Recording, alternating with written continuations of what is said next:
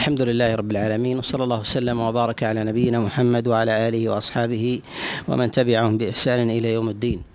في المجلس السابق تكلمنا على آية الخمر والميسر وتحريم الله عز وجل لهما وذكرنا العلة في التحريم وذكرنا كذلك أيضا الكلام في مسألة طهارة الخمر في عينيتها أو أو ما يتعلق بمعنويتها وخلاف العلماء في ذلك وتكلمنا أيضا على شيء من الفروع في هذه في هذه المسألة.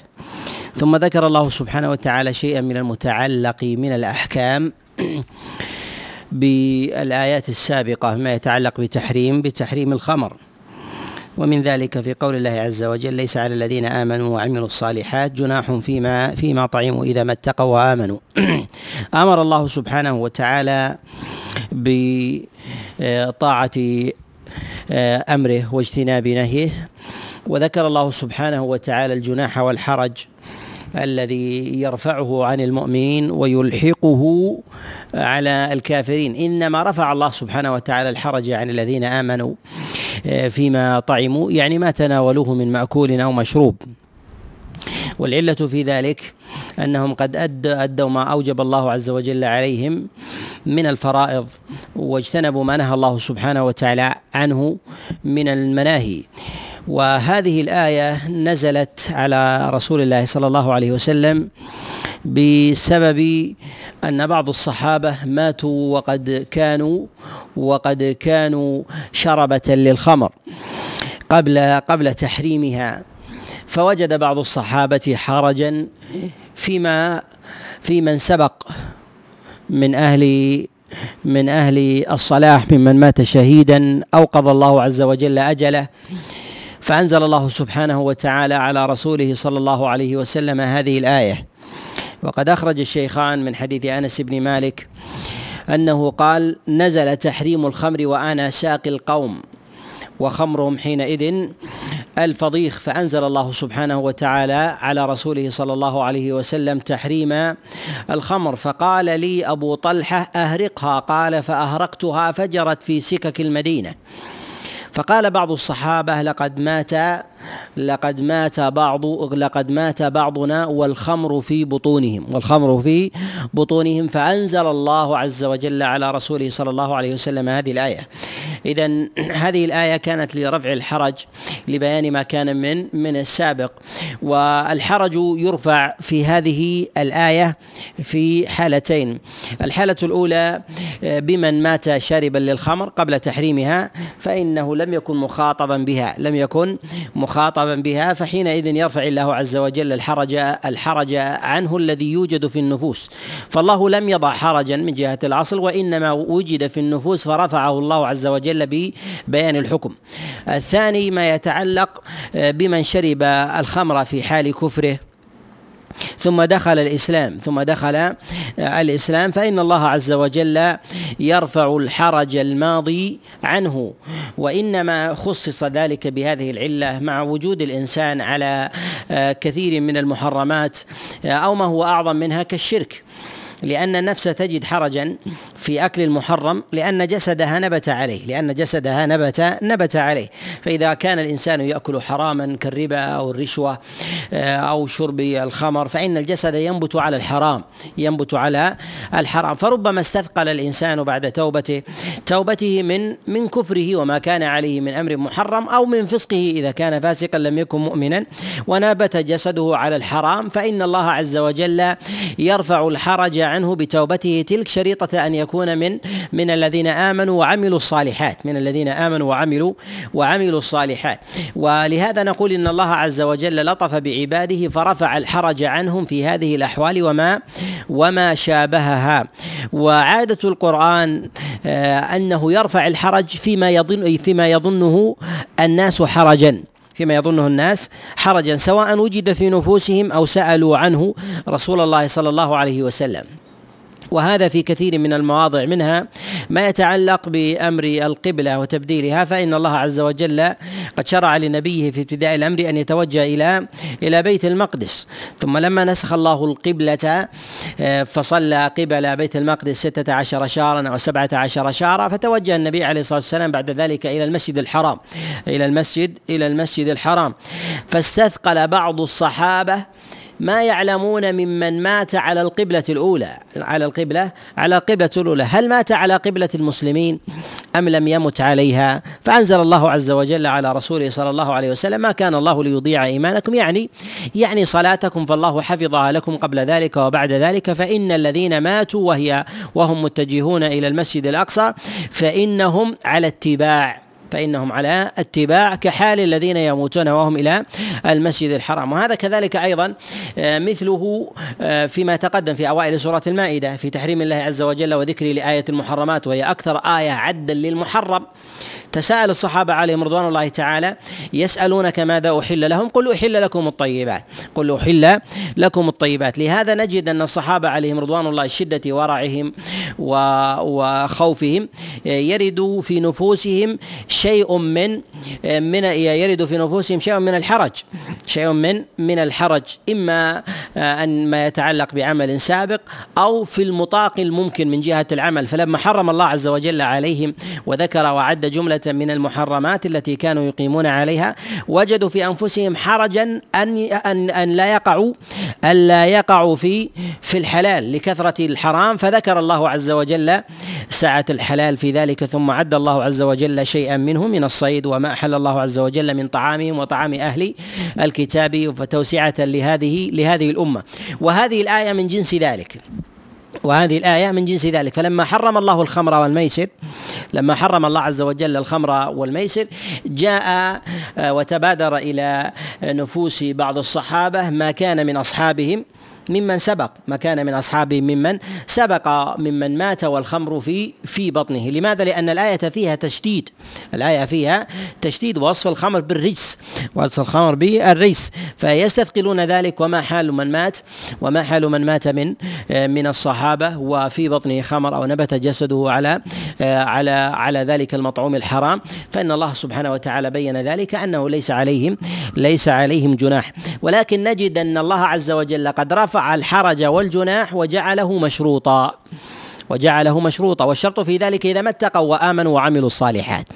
فهذه الشروط في رفع في رفع الحرج. فهل هذه الشروط في ذلك معتبرة بحيث أن الإنسان بحيث أن الإنسان لا يرفع عنه العمل السابق حتى يكون حتى يكون الإنسان مصلحا فيما يستقبل من أمره فيما يكون مستقبل من أمره. نقول الأصل أن الإنسان إذا فعل المحرم إذا فعل المحرم في حال كفره وهو يعلم بتحريمه.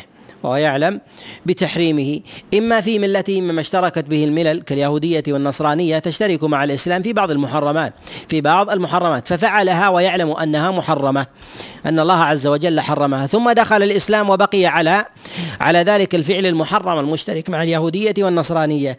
فإن الله عز وجل يؤاخذه بالأول و والآخر. يؤاخذه الله عز وجل بالأول بالأول والآخر. وأما من دخل الإسلام من دخل الإسلام ولم يمضي على ما كان عليه من أمر محرم ولم يمضي على ما كان عليه من أمر محرم وإنما وإنما استأنف الأمر المحرم استأنف الأمر المحرم بعد انقطاع عنه. فنقول إن الله عز وجل غفر له ما كان عليه من أمر ماضي ويستقبل الأمر المحرم الجديد الأمر المحرم الجديد. وهنا في تقييد آه، رفع الحرج بالتقوى والإيمان والعمل الصالح هل هذا مضطرد بكل بكل حال؟ نقول إن الله سبحانه وتعالى ذكر ذلك لأن الحال تقتضيه، لأن الحال تقتضيه، وكيف تقتضي الحال ذلك؟ مع أن الله سبحانه وتعالى يذكر في كتابه في كثير من المواضع حلة للطيبات من غير تقييد، فكيف يحاسب عليها الإنسان؟ فكيف يحاسب عليها الإنسان؟ نقول الأصل أن الإنسان اذا إذا تمتع بأكل الطيبات وشربها فإنه لا بد إما أن يكون شاكرا لها وإما أن يكون يكون كافرا وإما أن يكون كافرا بها فإما أن يكون من الذين آمنوا وعملوا الصالحات واتقوا فتصدق وزكى من المال الذي أعطاه الله عز وجل إياه وإما تسبب ذلك المال وتسببت تلك المتعة التي كان عليها بنسيان أمر الله بنسيان أمر الله. حينئذ يؤاخذ على النعمة المباحة لا لذاتها وإنما لأنها لأنها جعلته غافلا عن أمر الله. جعلته غافلا عن عن أمر عن أمر الله جل وعلا. وهذا نجده كثيرا أن الناس يغفلون عن أمر الله إذا بالغوا بالاستمتاع بالطيبات. إذا بالغوا بالاستمتاع بالطيبات بالمأكل والمشرب والملبس والمنكح وغير ذلك. فإذا بالغ الإنسان بذلك ولم يكن من أهل الشكر والعبادة فإن تلك النعمة تنسيه. حينئذ يحاسب عليها. حينئذ يحاسب عليها. ولهذا نقول إن الله سبحانه وتعالى بين ما يتعلق بالأمر آه، آه، برفع الحرج آه، بقيد بقيد الإيمان والتقوى والعمل الصالح. والعمل والعمل الصالح لأنه لازم لأنه لازم لازم النعمة والاستمتاع بها. ولهذا نجد أن الأمم الظالمة والباغية والمعرضة عن الله سبحانه وتعالى تسببت النعم بإعراضها تسببت النعم بإعراضها. هؤلاء يؤاخذون على النعمة المباحة. هؤلاء يؤاخذون على النعمة المباحة. أما من رزقه الله عز وجل نعمة أما من رزقه الله عز وجل نعمة فشكرها واتقى الله عز وجل فيها لأنه مع النعمة يحتاج الإنسان إلى مجاهدة يحتاج الإنسان إلى إلى مجاهدة والمجاهدة في ذلك إذا أغدق الله عليك نعمة بالمال فإنك ستنصرف إلى الاستمتاع به إلى الاستمتاع به والايغال بالمأكل والمشرب والملبس والمنكح وغير ذلك فإن هذا يصرف الإنسان عن شكر الله سبحانه وتعالى في نعمته جل وعلا و عمل المحرم عمل المحرم. ومن قرائن ذلك أن الله سبحانه وتعالى لا يكاد يذكر في القرآن الأكل بالطيبات والتمتع إلا ويحذر من العدوان أو من خطوات الشيطان من خطوات الشيطان. فإذا ذكر الله عز وجل حل الطيبات أو أكل أمر الله عز وجل بالأكل من الرزق أو أمر الله عز وجل بالتمتع حذر من كفر النعمة. أو اتباع خطوات الشيطان أو العدوان ولا تعتدوا. وغير ذلك مما يخالف تلك النعمة. لهذا نقول إن صاحب النعمة على خطر إن صاحب النعمة صاحب النعمة على خطر. ولهذا نقول إن ما يتعلق بالنعمة التي يؤتاها الإنسان إما أن يكون شاكرا وإما أن يكون كافرا بها. إما أن يكون شاكرا وإما أن يكون كافرا. وهذا مقتضى هذه الآية وهذا مقتضى هذه هذه الآية. فالله سبحانه وتعالى رفع الحرج. فالله جل وعلا رفع رفع الحرج عن عن العباد الذين يؤدون حق الله جل وعلا ومن حق الله سبحانه وتعالى بذلك هو القيام بشكر النعمة. وأدنى الشكر أن يتلفظ الإنسان بالحمد كما جاء النبي عليه الصلاة والسلام قال إن الله لا يرضى بالأكلة يأكلها العبد فيحمد الله. بالشربة يشربها العبد فيحمد الله. يعني أن الإنسان بمجرد ما يشرب ويأتيه الله عز وجل بهذا الماء إما من باطن الأرض ويتهيأ له نقيا ثم يتناوله بحمد الله عز وجل. مرة واحدة يؤدي شكرها. وهذا من رحمة الله عز وجل ولطفه بعباده. كذلك أيضا في المأكل. يأتيه من يأتيه من مكان بعيد إما أن يكون صيدا وإما أن يكون وإما أن يكون مثلا أنسيا أو غير ذلك ثم يهيأ للإنسان على صفات شتى فيتناوله في فيكون شكر ذلك هو الحمد. فيكون شكر ذلك هو الحمد رحمة من الله سبحانه وتعالى. كذلك ما وجب على الإنسان من الزكاة والصدقة وكذلك شكرها كلما زادت يشكر الإنسان آه، ربه سبحانه وتعالى بها وذلك بالصدقة والصلة والهدية وغير ذلك. الصلة والهدية وغير وغير ذلك مما مما أرشدت الشريعة إليه ما أرشدت الشريعة إليه. فكل ذلك من فكل ذلك من فكل ذلك من آه، من شكر من شكر النعمة من شكر النعمة الصدقة والزكاة والهدية بل قد تكون الهدية أعظم أجرا من الزكاة أعظم أجرا من من الزكاة والصدقة كيف يكون هذا؟ كيف؟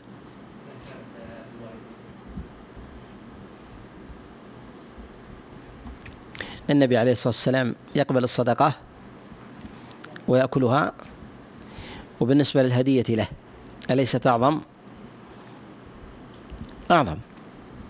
كذلك أيضا الذي يتورع الذي يتورع عن الزكاة والصدقة وأثر الهدية عليه أعظم أثر الهدية عليه أعظم. فنقول حينئذ أنها أنها أعظم. أعظم أجرا إنها أعظم أعظم أجرا وذلك لعظم لعظم أثرها.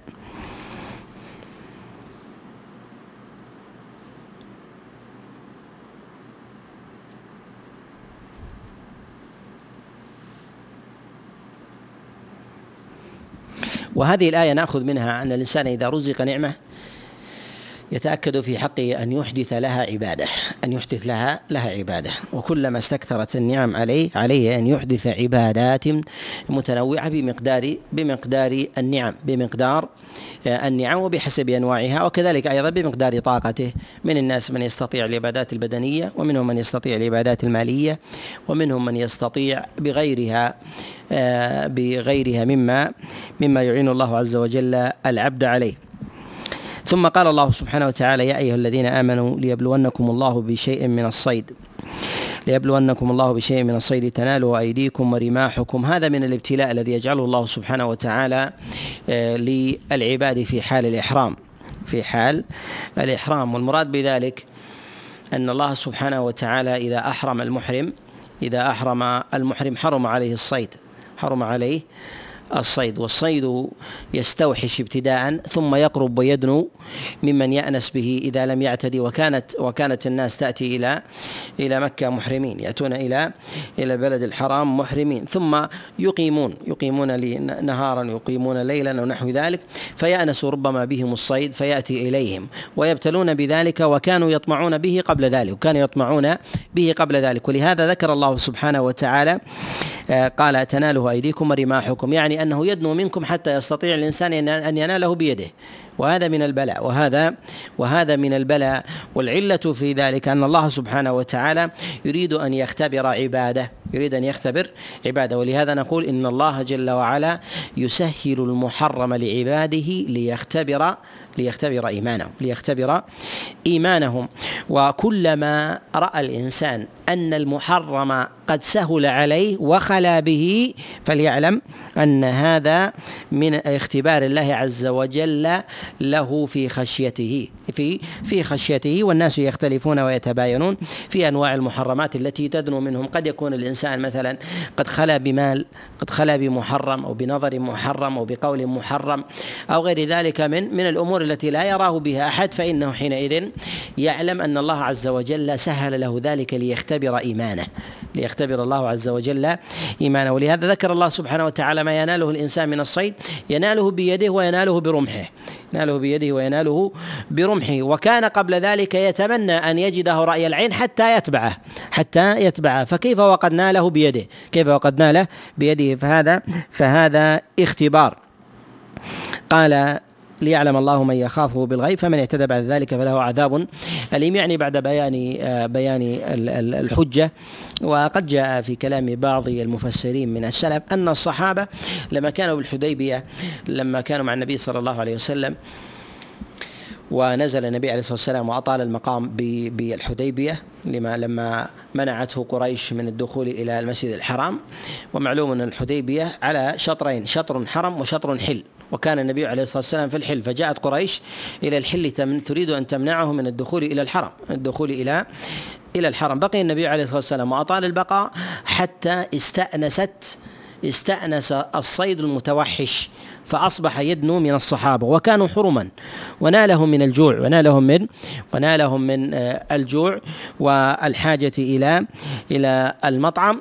فامتحنهم الله عز وجل بذلك امتحنهم الله سبحانه وتعالى آه، بذلك.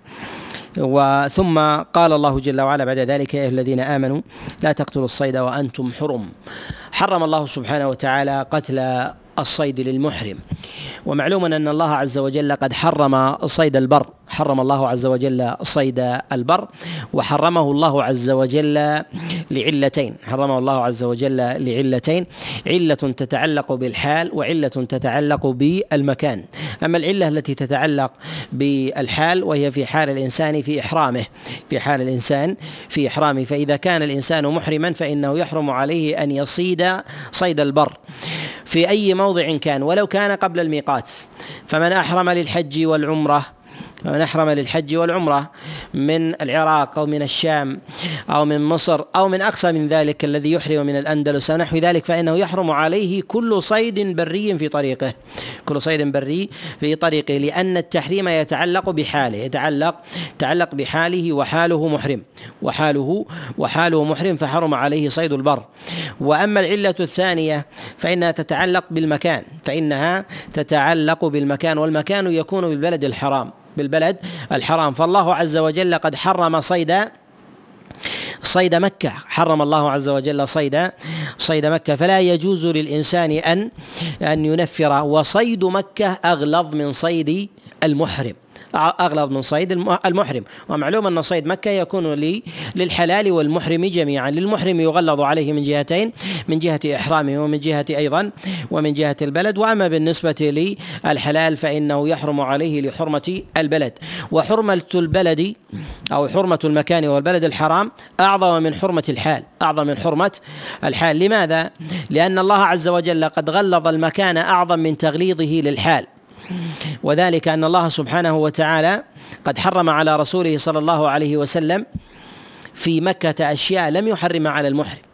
ومنها قال عليه الصلاة والسلام لا يختلى خلاها ولا يعضد شجرها ولا تلتقط لقطتها وهذا ليس وهذا ليس للمحرم. فدل على تغليظ حال علة المكان على على علة الحال على علة الحال. فإذا اجتمعتا كانتا أغلظ على أغلظ على الإنسان أغلظ على الإنسان. وإن كان تحريم الصيد على المحرم أشد امتحانا لأنه في حال سفر. لأنه في حال سفر بخلاف البلد الحرام فإنه في حال إقامة. وهو قريب من مطعمه ومشربه ومأكله فالأثر عليه في ذلك يكون يكون أعظم من هذه من هذه الجهة. وهنا في قول الله سبحانه وتعالى يا الذين آمنوا لا تقتلوا الصيد وأنتم حرم. ذكر الله عز وجل الصيد ثم نهى عن قتله ثم نهى عن قتله نهى عن قتله وذكر الله عز وجل للقتل. قال تقتلوا الصيد وأنتم حرم. ثم قال الله عز وجل ومن قتله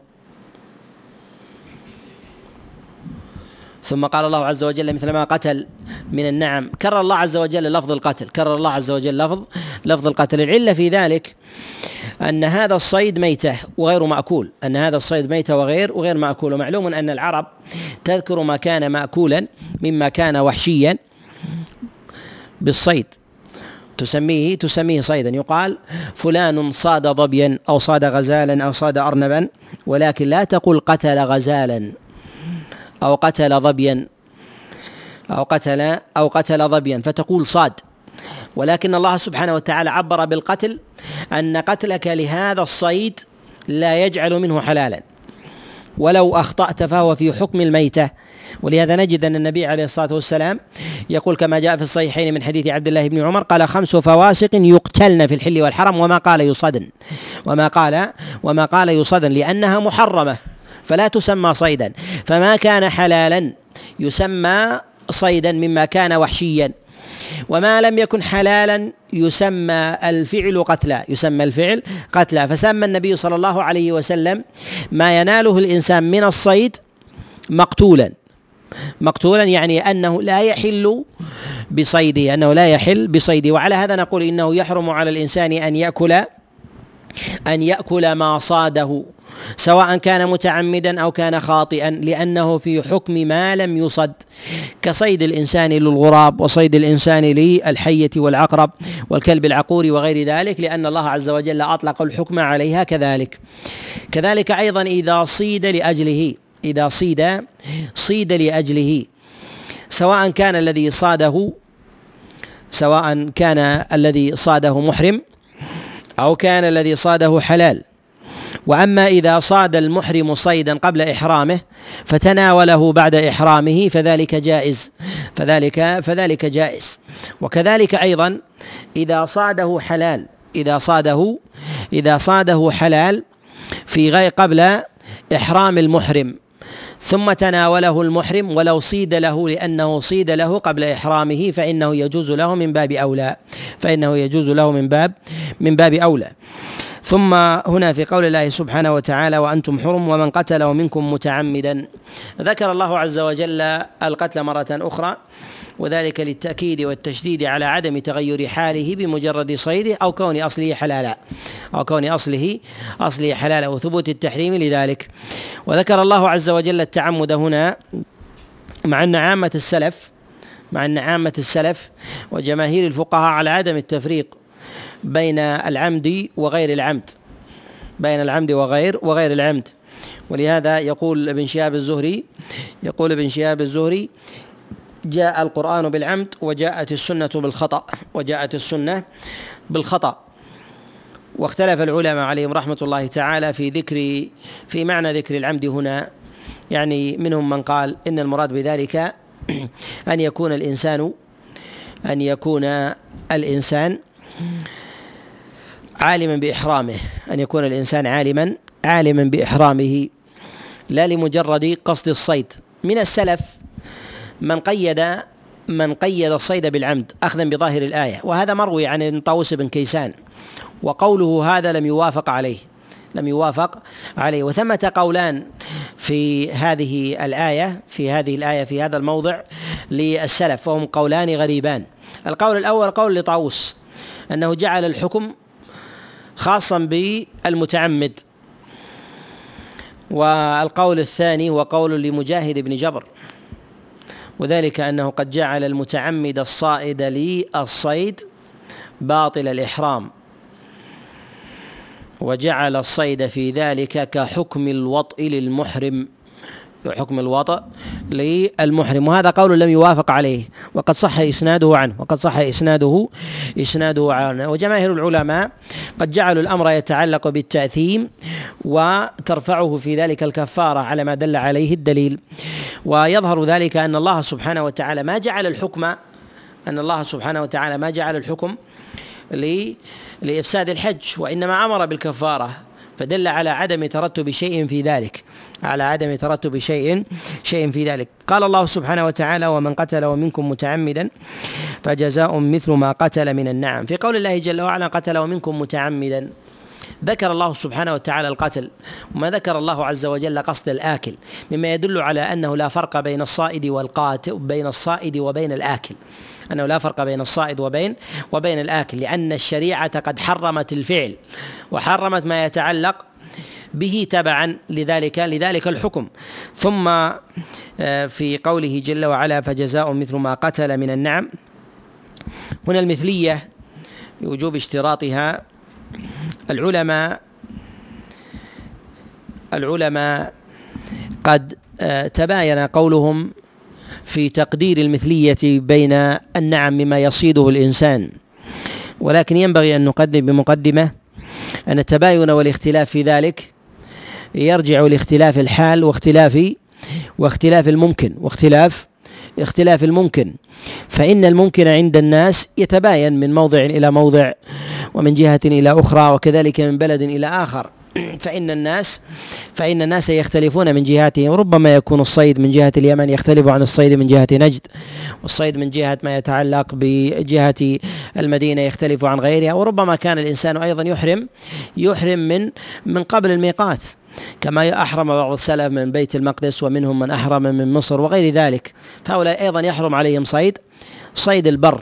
فالممكن في ذلك ما يتعلق آه، بالمثلية تختلف وتتباين. كذلك أيضا من جهة الصيد الممكن للإنسان أن يناله يختلف ويتباين. ولهذا جعل الله عز وجل الأمر في ذلك إلى حكمين عدلين. الأمر في ذلك إلى حكمين عدلين. يقضون بالمماثل له بالفدية بالمماثل له بالفدية فقول الله جل وعلا فجزاء مثل ما قتل من النعم ثم في قول الله عز وجل أو كفارة.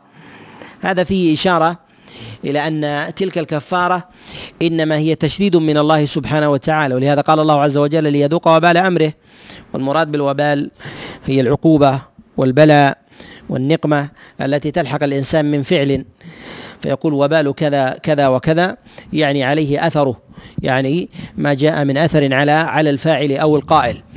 وبهذا نعلم أن الكفارة التي تكون من الإنسان على الصيد أنها لا تجري في صحيفة حسناته وإنما هي ممحاة لسيئاته وإنما هي ممحاة لسيئاته. إلا إن شاء الله عز وجل أن يجعلها في صحيفة حسناته إلا أن أبواب الكفارات تمحو السيئات لأن أبواب الكفارات تمحو تمحو السيئات. فيجعل الله عز وجل مقابل هذه هذه مقابل هذه هذه. فلما جاء بإثم وخالف أمر الله سبحانه وتعالى بذلك فإنه يأتي بطاعة يقدرها الله عز وجل تأتي مساوية لذلك. فحينئذ نعلم أن العلة التي جعلها الله عز وجل في تقدير عمل معين من الصالحات رحمة بالعباد أن يعلموا المقدار الذي يك... الذي يكفر الله عز وجل به الذنوب. أنهم يعلمون المقدار الذي يكفر الله عز وجل به الذنوب. حتى لا يفعلوا فعلا فيظنون أنهم قد قد كفروا عملهم بذلك. فيتصدق بدون المقدار أو يفعل عملا من الأعمال البدنية بدون المقدار فيظن أن الله عز وجل كفر عنه ذلك. فنقول إن ما يتعلق بذلك هذا رحمة من عباد من الله عز وجل بعباده. رحمة من الله سبحانه وتعالى بعباده. وهنا في قول الله جل وعلا يحكم به ذوى عدل منكم. ذكر الله عز وجل المثلية في الصيد أي أن الصائد إذا إذا قتل شيئا من الصيد فإنه ينظر في مثله من الحيوانات من الحيوانات الإنسية من بهائم النعم من بهائم النعم. ثم ثم يقوم بإهدائها إلى إلى الكعبة. يقوم بإهدائها إلى إلى الكعبة. فإنها كفارة فإنها كفارة فعله. والحكم بذلك والحكم بذلك قد قدره الله عز وجل على وصف وحال وعدد لا يرجع فيه إلى مجرد النفس ولا يرجع فيه أيضا إلى مجرد إلى مجرد الهوى ولو من الغير. ولهذا جعل الله عز وجل الحكم في ذلك إلى عدلين. جعل الله عز وجل الحكم في ذلك إلى عدلين. ونأخذ من هذا جملة من الأحكام. أولها أن الله سبحانه وتعالى اشترط في هذا العدد. فلا يجوز للإنسان أن يحكم لنفسه مجردا ويكتفي بذلك. ولا يجوز أيضا أن يجعل الإنسان حكما واحدا ما أمكنه ما أمكنه في ذلك أن يختار اثنين. فجعل الله عز وجل العدد في ذلك لازما. أن يجعل الله عز وجل العدد في ذلك في ذلك لازما. والعلة في هذا العدد حتى ينصف الإنسان من نفسه. فلا يحابيها ولا يجاملها فلو وكل الأمر من أمر الكفارة وتقديرها إليه لرغبت كثير من النفوس باختيار الأيسر واجتناب واجتناب ما يشق عليه. فجعل الله عز وجل الحكم إلى الحكم إلى إلى عدلين. واختلف العلماء في حكم الإنسان على نفسه مع غيره. فهؤلاء فهؤلاء حكمان. فهل للإنسان أن يحكم إذا كان عدلا وشهد له بذلك مع غيره على نفسه؟ اختلف العلماء في ذلك. منهم من أجاز منهم من أجاز هذا. وهذا وهذا قول جماعة من العلماء كالإمام أحمد والشافعي وبه قضى عمر بن الخطاب عليه رضوان الله فإنه جاءه رجل صاد ظبيا فقال صاد ضبا فقال له فجاء إلى عمر بن الخطاب عليه رضوان الله تعالى فقال عمر احكم معي. فجعل حكمه معه حكما نافذا حكما نافذا. وذهب الإمام مالك رحمه الله إلى أن الإنسان لا يكون مع الحكمين. لا يكون مع مع الحكمين. والأظهر جواز جواز ذلك لقضاء عمر وهو أعلى شيء في الباب في أبواب آه، في هذه في هذه المسألة. ولم يخالفه أحد من الخلفاء الراشدين فكان هو الأرجح. ومن الأحكام المتعلقة في ذلك أيضا اشتراط العدالة. فلا يحكم في ذلك الفاسق. فلا يحكم في ذلك الفاسق لأنه لا يؤتمن على تقدير. فيبغي ويظلم وربما يبخس.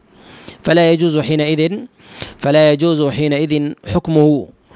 يؤخذ كذلك أيضا أن الذي يحكم لابد أن يكون عالما عارفا عارفا في الصيد الذي يصيد وفي مثله. ومن كان جاهلا ببهيمة الأنعام وأحوالها وجاهلا كذلك أيضا بحال الصيد وأوصافه وأحواله فإنه حينئذ لا يجوز له القضاء فإنه لا يجوز لا يجوز له القضاء لأنه يقضي بجهل لأنه يقضي بجهل والقضاء بجهل هو أصل الظلم والحيف والقضاء بعلم هو أصل العدل.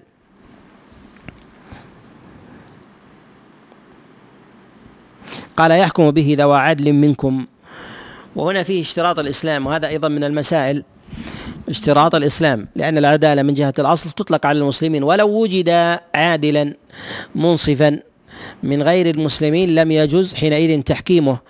لأن الله سبحانه وتعالى قيد ذلك بقوله منكم قيد الله عز وجل ذلك بقوله بقوله منكم.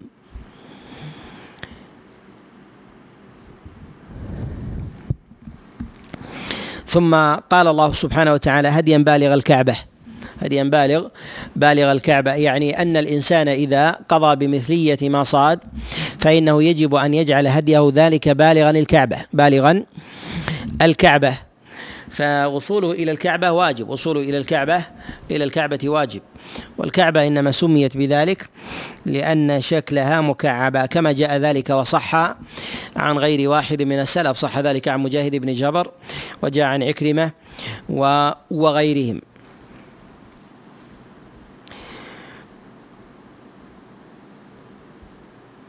وقال بوجوب ذلك عامة السلف كما في ظاهر هذا الأمر وجماهير الفقهاء وقوله سبحانه وتعالى أو كفارة طعام مساكين. هنا جعل الله عز وجل الأمر على التخيير في قوله أو كفارة طعام مساكين. هل ذلك على التخيير أن الإنسان يختار من يختار من هذا ما شاء؟ اختلف العلماء في ذلك على على قولين. على قولين. منهم من قال إن هذه الآية ليست على التأخير وإنما على الترتيب.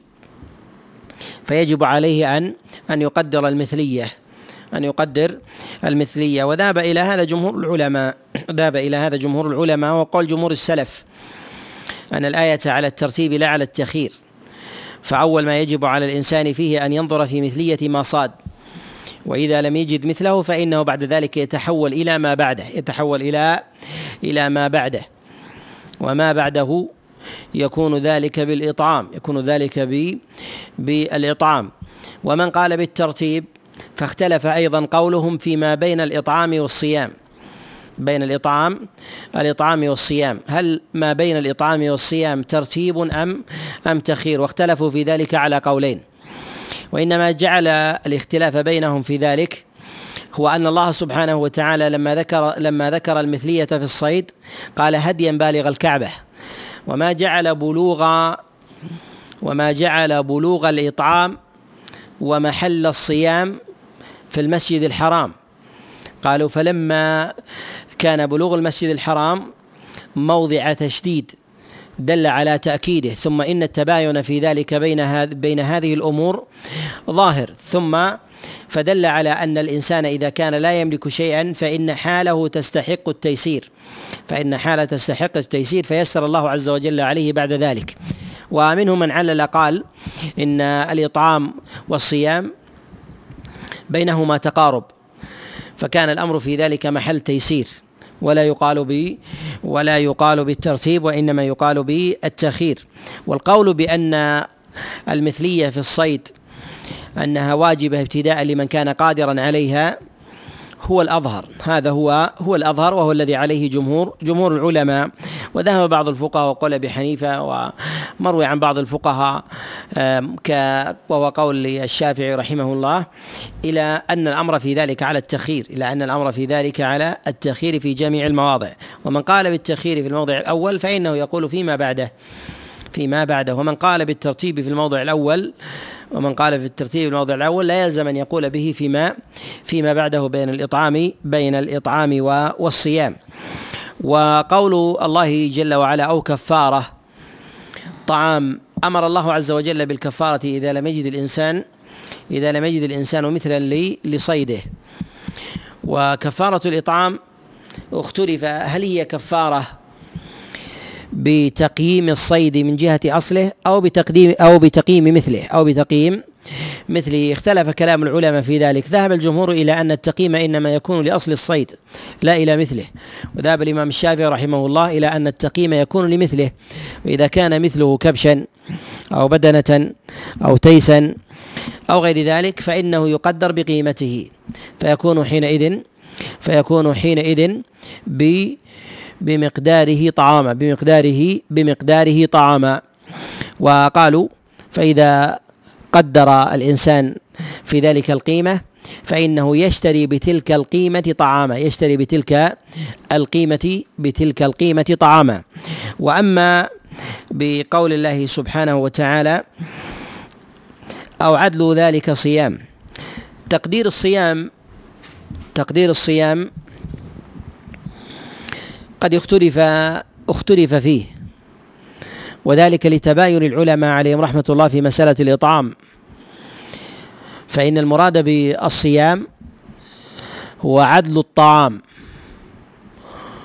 واختلف العلماء إذا اشترى الإنسان بقيمة بقيمة المثل أو بقيمة الصيد طعاما. فما هو المقدار الذي يجعله من هذه المقادير عدل تلك الأيام؟ عدل تلك الأيام في الصيام. فاختلف العلماء في هذه المسألة على أقوال ثلاثة على أقوال على أقوال ثلاثة.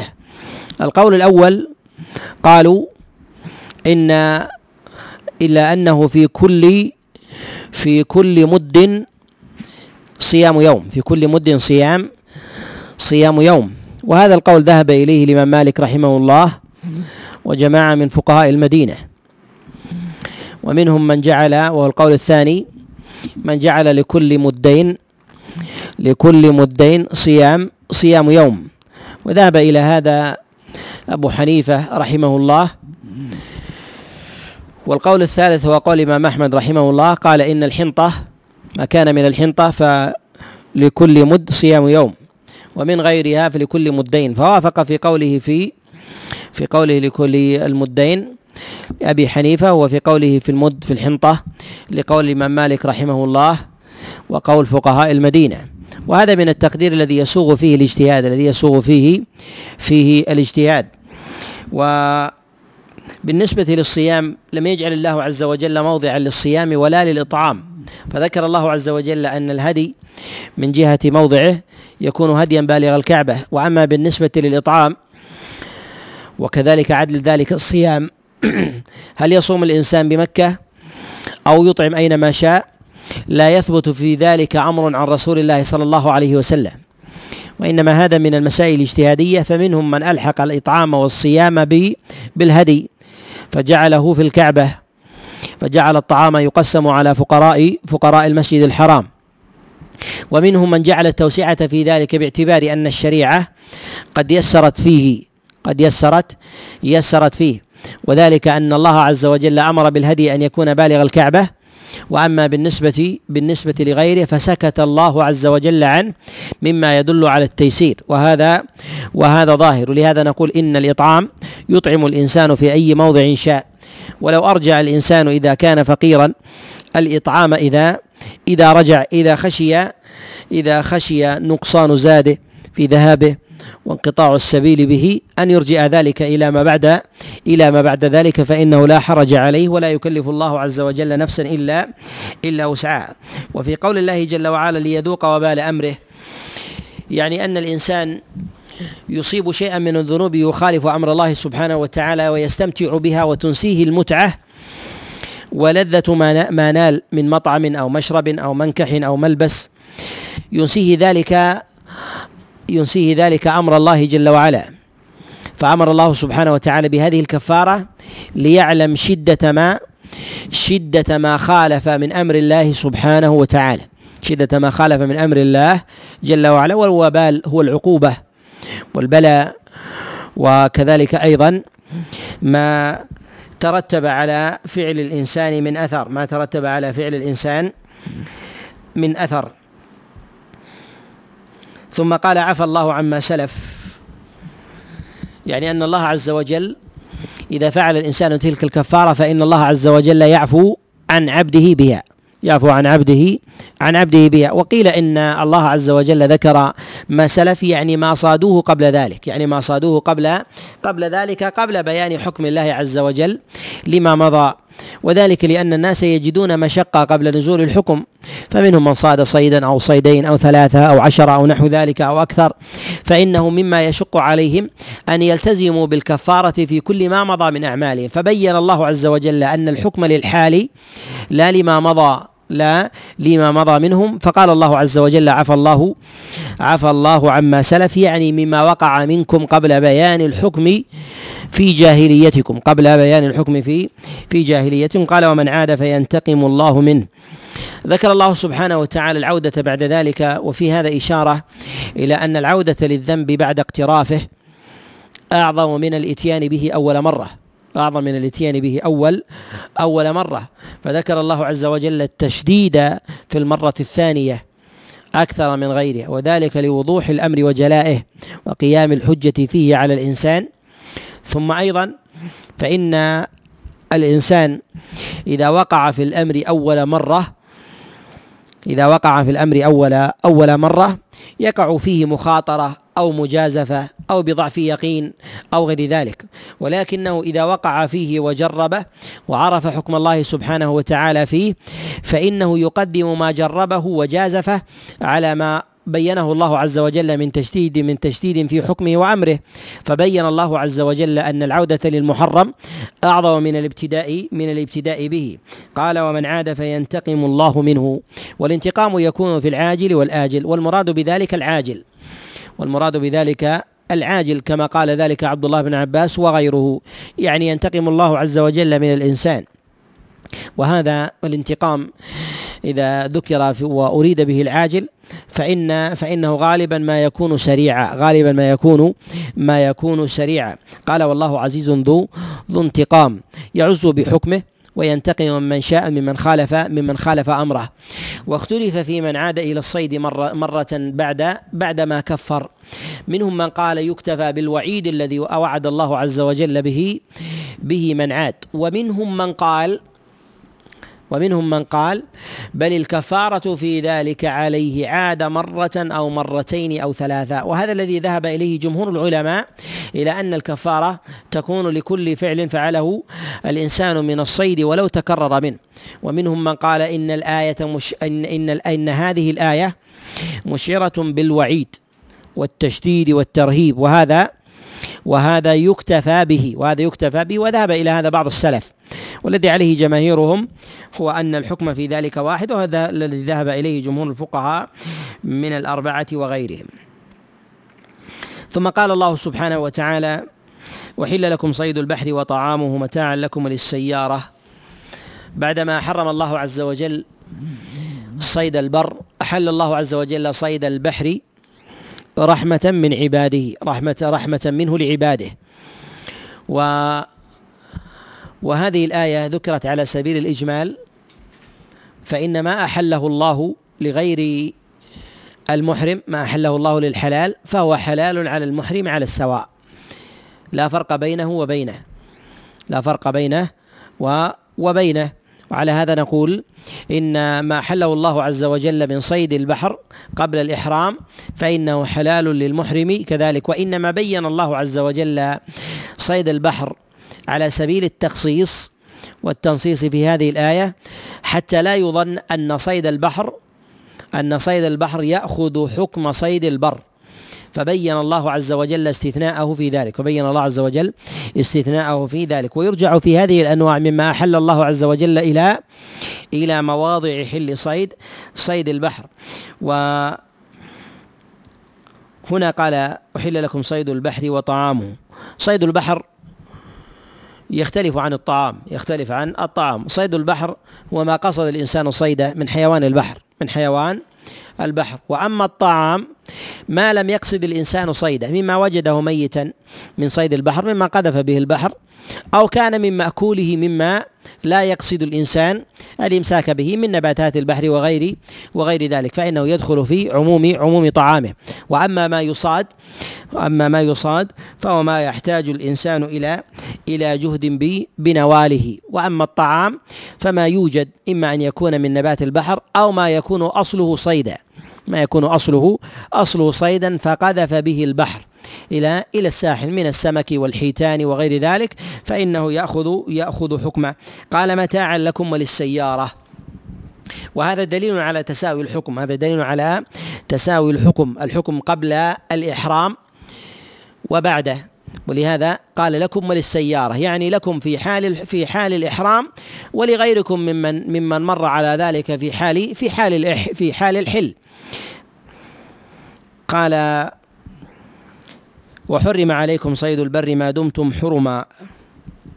وهذا فيه بيان الانتهاء بيان بيان الانتهاء التحريم من صيد البر يعني أنه ينتهي بالحل. وهذا دفع للظنة التي يظن الإنسان أن الله عز وجل إذا حرم عليه صيد البر أنه يبقى على تحريمه حتى يجاوز الميقات راجعا أو يبقى على تحريمه حتى يصل إلى أهله. يصل إلى إلى أهله. فبين الله عز وجل أن النهي ينتهي بذلك بانتهاء الإحرام. قال ما دمتم حرما. فإذا ارتفع ذلك فإنه يرتفع حينئذ التحريم. وليس العبرة في ذلك الطريق. وليس العبرة في ذلك الطريق. لماذا؟ لأن الإنسان يحرم من الميقات ويحل قبله ويحل قبله. كالذي يأتي مثلا من المدينة فإنه يحرم من من ذي الحليفة ثم يذهب قاصدا ويبقى على إحرامه ثم يحل بمكة. فما حرم عليه من طريقه لا يبقى إحرامه بعد ذلك بعودته فإن الله عز وجل أحل له الصيد بعد عودته ولو كانت المواضع التي مر بها قد حرم عليه الصيد فيها. فرفع الله عز وجل الحرج في ذلك والفهم الذي ربما يظنه البعض أن الله عز وجل حرم ما بين المواقيت أو ما بين موضع الإحرام إلى إلى المسجد الحرام. قال وحرم عليكم صيد البر ما دمتم حرما واتقوا الله الذي إليه إليه تحشرون يعني يحاسبكم الله سبحانه وتعالى بما مضى من أفعالكم في المحشر. ثم قال الله جل وعلا بعد ذلك جعل الله الكعبة البيت الحرام قياما للناس. وهذا في إشارة إلى ما كان من أمر البيت الحرام وأمر الكعبة في الجاهلية. فإن الله سبحانه وتعالى قد رحم العرب قد رحم العرب بجعل جعل البيت الحرام الكعبة قياما لهم وذلك أن الأمم كانت لها ممالك ولها رؤوس تقودها سواء كانت فارس أو كانت الروم أو بقية العجم من الزنج والسودان والحبش وغير ذلك. فكان لهم ملوك ولهم رؤساء. أما العرب فكانوا أوزاعا. لا يجمعهم إلا إلا البيت الحرام. لا يجمعهم إلا البيت الحرام. فرحمهم الله عز وجل بذلك. فرحمهم الله عز وجل بذلك ألا يفني بعضهم بعضا. فكانوا يعظمون المسجد الحرام وقاصده. وكذلك أيضا فإنهم يجتمعون ويأتلفون على من قصد المسجد الحرام. فكأن الله قد جعل المسجد الحرام الكعبة موضعا يقود العرب. فإن رؤوس العرب من الملوك فإن رؤوس الأمم من الملوك والأمراء والسادة ونحو ذلك تحميهم أممهم وشعوبهم ويجتمعون عليهم عند الشدائد. والعرب عند الشدائد جعل الله عز وجل لها الكعبة قياما لها يجتمعون عليها ويتحامون وإن تنافروا فيما بينهم اتحدوا عند العدوان عليها. وعظموا قاصدها جميعا. فجعل الله عز وجل ذلك حفظا لهم. جعل الله عز وجل حفظا لهم ثم جعلها الله عز وجل حفظا لكل مسلم وقياما لجميع لجميع المسلمين من العرب والعجم. وهنا في قول الله جل وعلا والشهر الحرام والهدي والقلائد تقدم معنا في سورة البقرة الكلام على على الشهر الحرام الأشهر الحرم وعدها الحكم فيها وهل هي منسوخة أو ليست منسوخة تقدم تفصيل ذلك مما يغني مما يغني عن إعادة هنا كذلك أيضا ما يتعلق بالهدي والقلائد.